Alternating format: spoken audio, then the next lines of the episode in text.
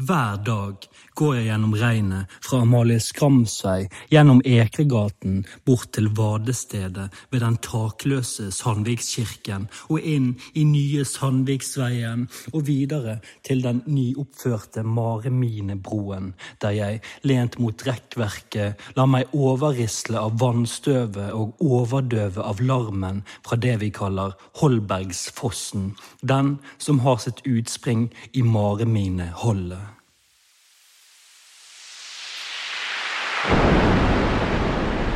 Fra Nils Klims hule velter vannmassene tøylesløst med kraft og velde ut, ut og finner sitt korte, voldsomme far nedover mot den utvaskede sjøgaten før Nyelven hiver seg i fjorden ved slaktehustomten.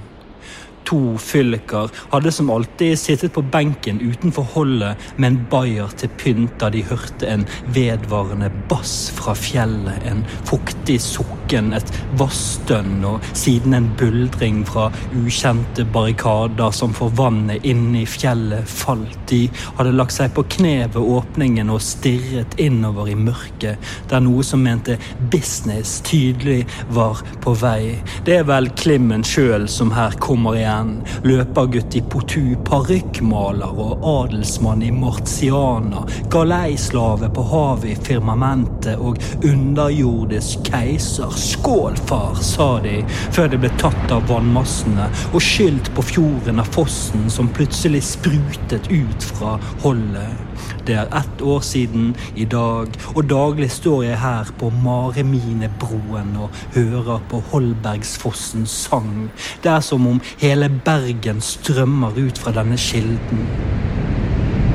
Geologene forstår fremdeles ikke hvor vannet kommer fra. Først trodde man at det dreide seg om et av de nesten daglige vannledningsbruddene, at forsyningen til tilfluktsrommene og den forlatte bybanetunnelen under Rottaugen hadde sprunget lekk og da dette ikke viser seg å stemme, kom de opp med en teori om at den rørlagte Mulelven hadde funnet nytt far under jorden. De sonderte med røntgen og ultralyd over Meiermyren og Ladegårdsgatens nordlige ende, uten å vite at de gikk der Mareminebroens søsterbro en gang lå, den henfarne Sandviksbroen eller Ladegårdsbroen, den som nå må gjenreises, men Holbergsfossens kilde forblir ukjent, symbolsk, og daglig står jeg over den strøm her på Mareminebroen og lytter til nyansene i bruset. Den fuktige melodi sender tankene mine på kryss og tvers gjennom Bergens overanstrengte vannveier. Jeg lar sinnet følge rennesteinene, rennesteinene som de fleste steder er erstattet med dype grøfter, noen som små kanaler. Jeg tenker på de underdimensjonerte rørene på bristende demninger, kloakktunnelene, de knelende renseanleggene, rørgatene på overanstrengte takrenner på de lenge avskrudde fontenene, de artesiske kildene, oppkommende som en helt ny aggressivitet forener underjordisk vann med himmelens vann, og bekkerlokkene som spretter spretter opp fra gatelegemet og ruller langs gateelvene før det med et plask fulgt av et klank velter mot brosteinen.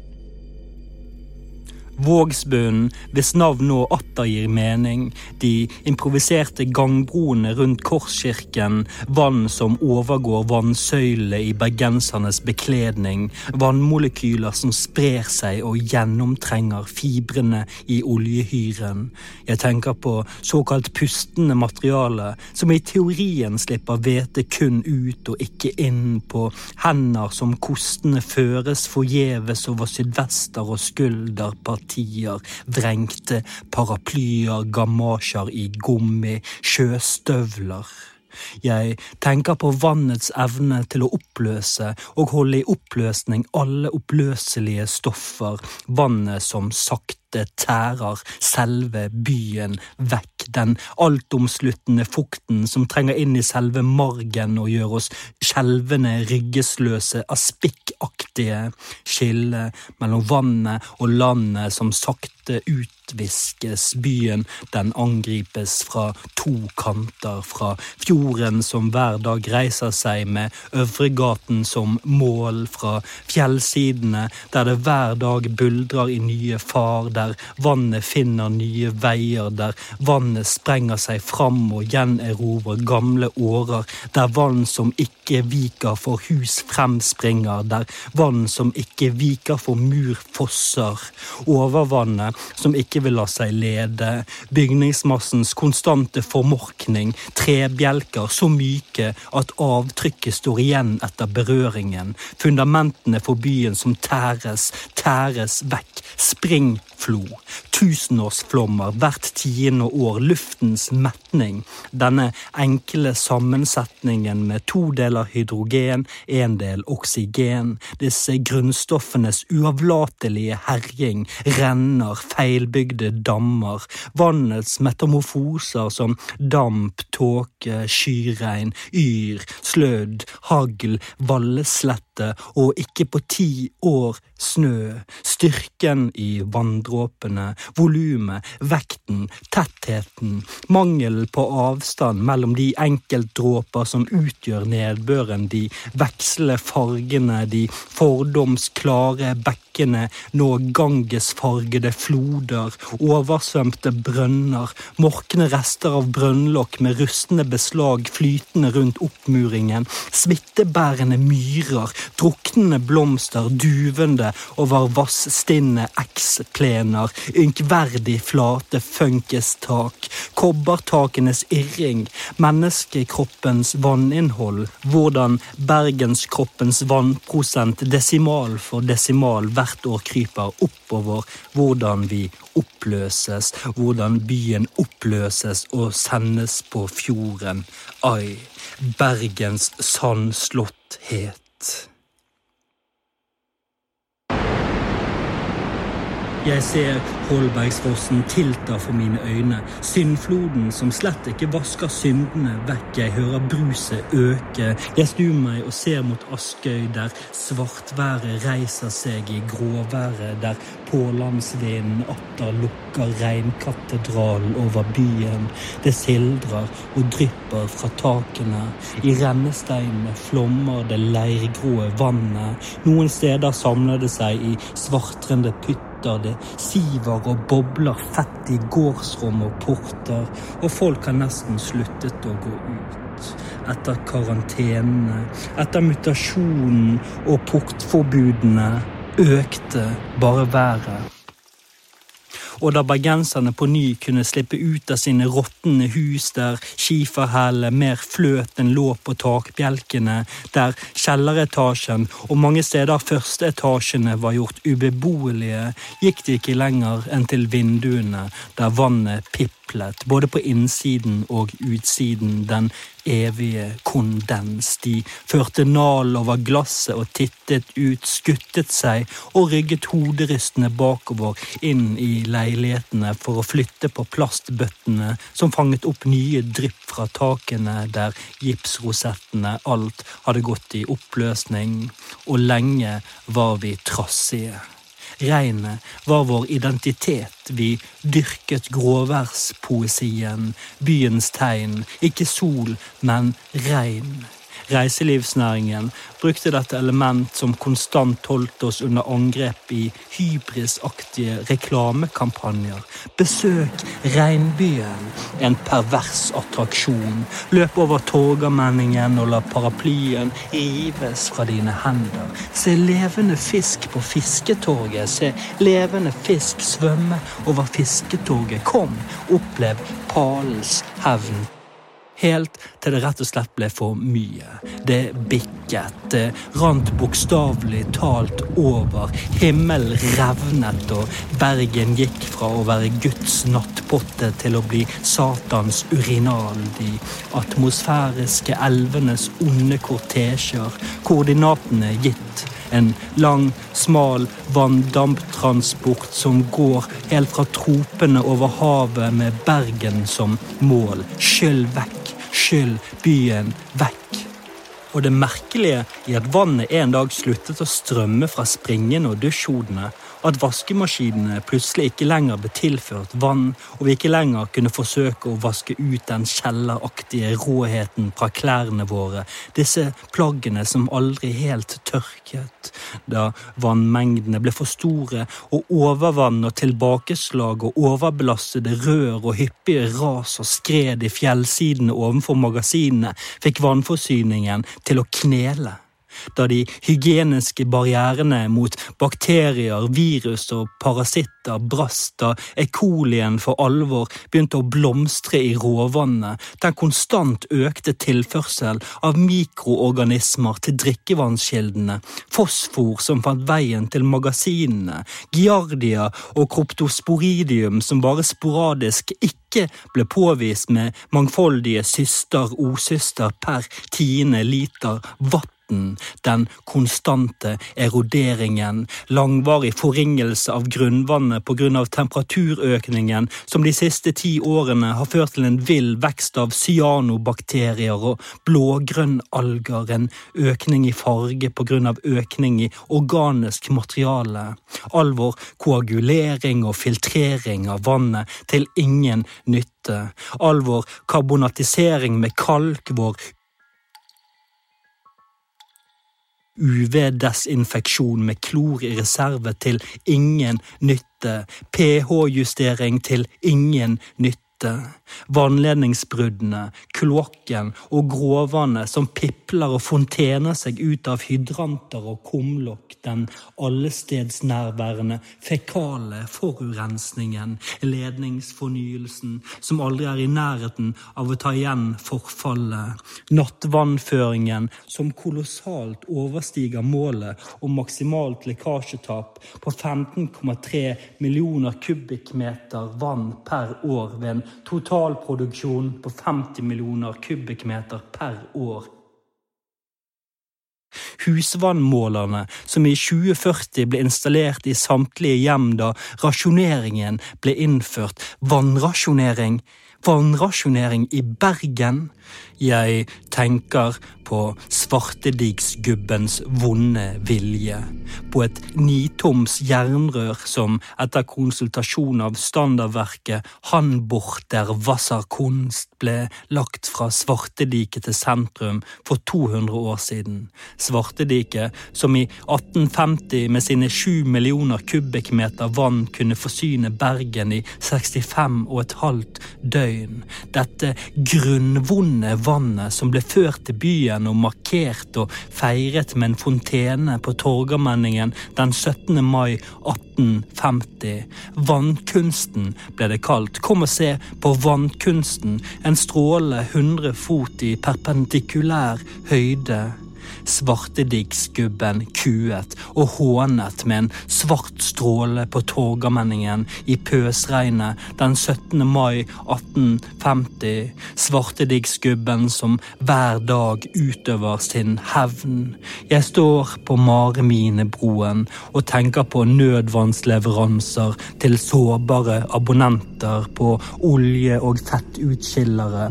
Jeg mumler en setning fra boken Bergensvannets kjemiske egenskaper fra 1933, der bergensvannet omtales som særlig aggressivt, særlig rustfremkallende, særlig eroderende. Jeg tenker på forvarselet i fjern fortid som het Hatlestad terrasse.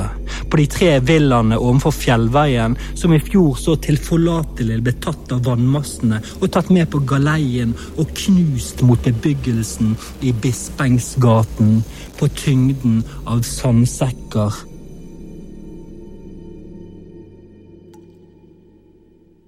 På Holberg selv, som ikke kunne utstå regnet, og det på en tid det knapt regnet.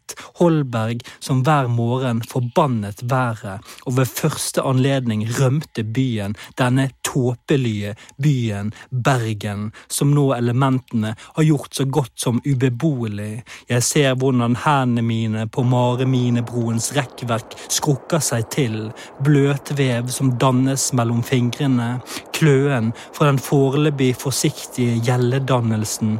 Vi er svamper.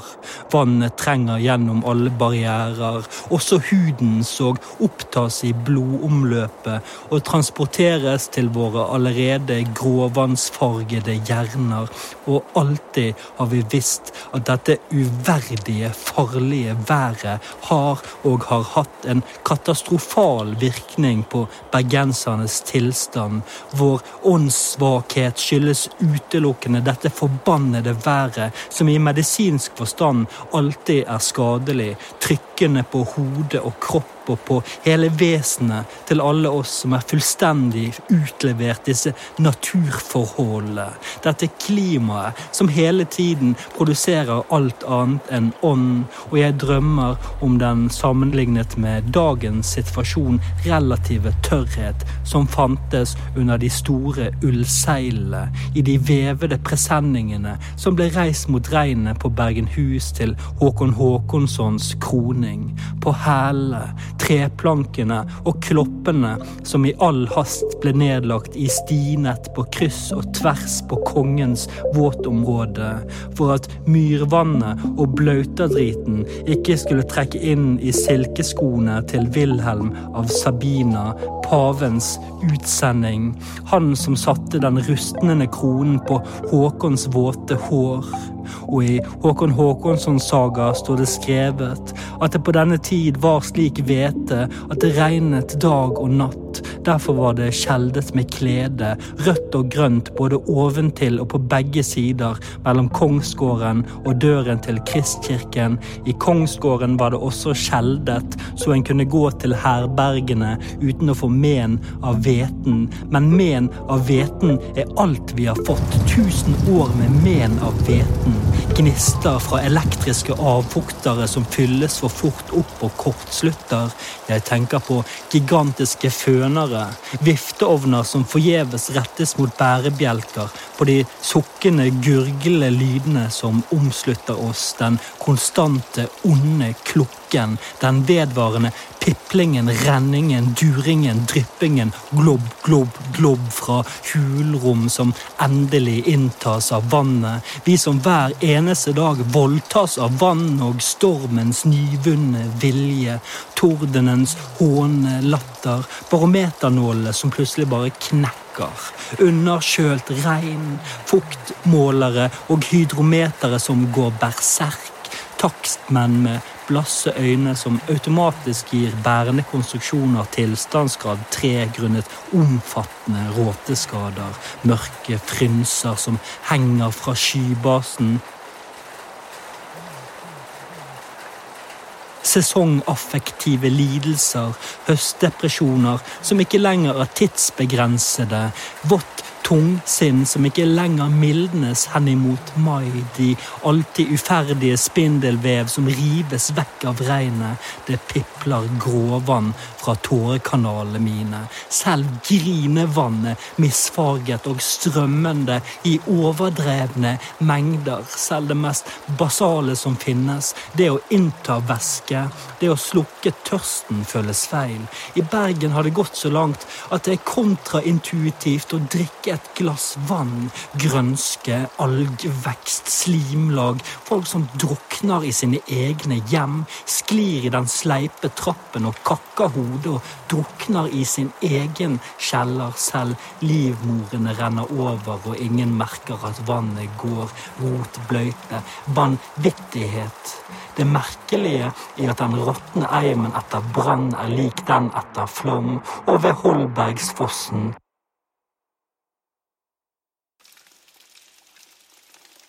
På Mareminebroen merker jeg dannelsene der oppe, koalescens, dråpevekst i de absurd fuktige kumuliforme skyene som forbereder angrepet, dunstdråper som øker i tyngde og slipper seg, skyintern turbulens som forener små dråper i større dråper og kaster seg mot hodene våre, mot relasjonene våre, den konstante irritasjonen som ved langvarig søvnløshet været øver på oss, denne daglige kinesiske vanntortur, den utvannede svetten som ligger kald ved korsryggen. Vi drukner. vår ånd for lengst druknet, sjølhalt gjennom gatene. Tusen år vekkregnet, tusen år med bortdruknede muligheter og vekkskylte håp. Tusen åndssvake regnår, og jeg klatrer over rekkverket ved tanken på langtidsvarselet, og jeg vader innover mot bruset. Jeg går mot strømmen og søker utspringet, søker fossen. Jeg oppløses, jeg går i ett, jeg er i dråpene. Jeg flyter av sted, jeg skylles som Bergen våt vekk.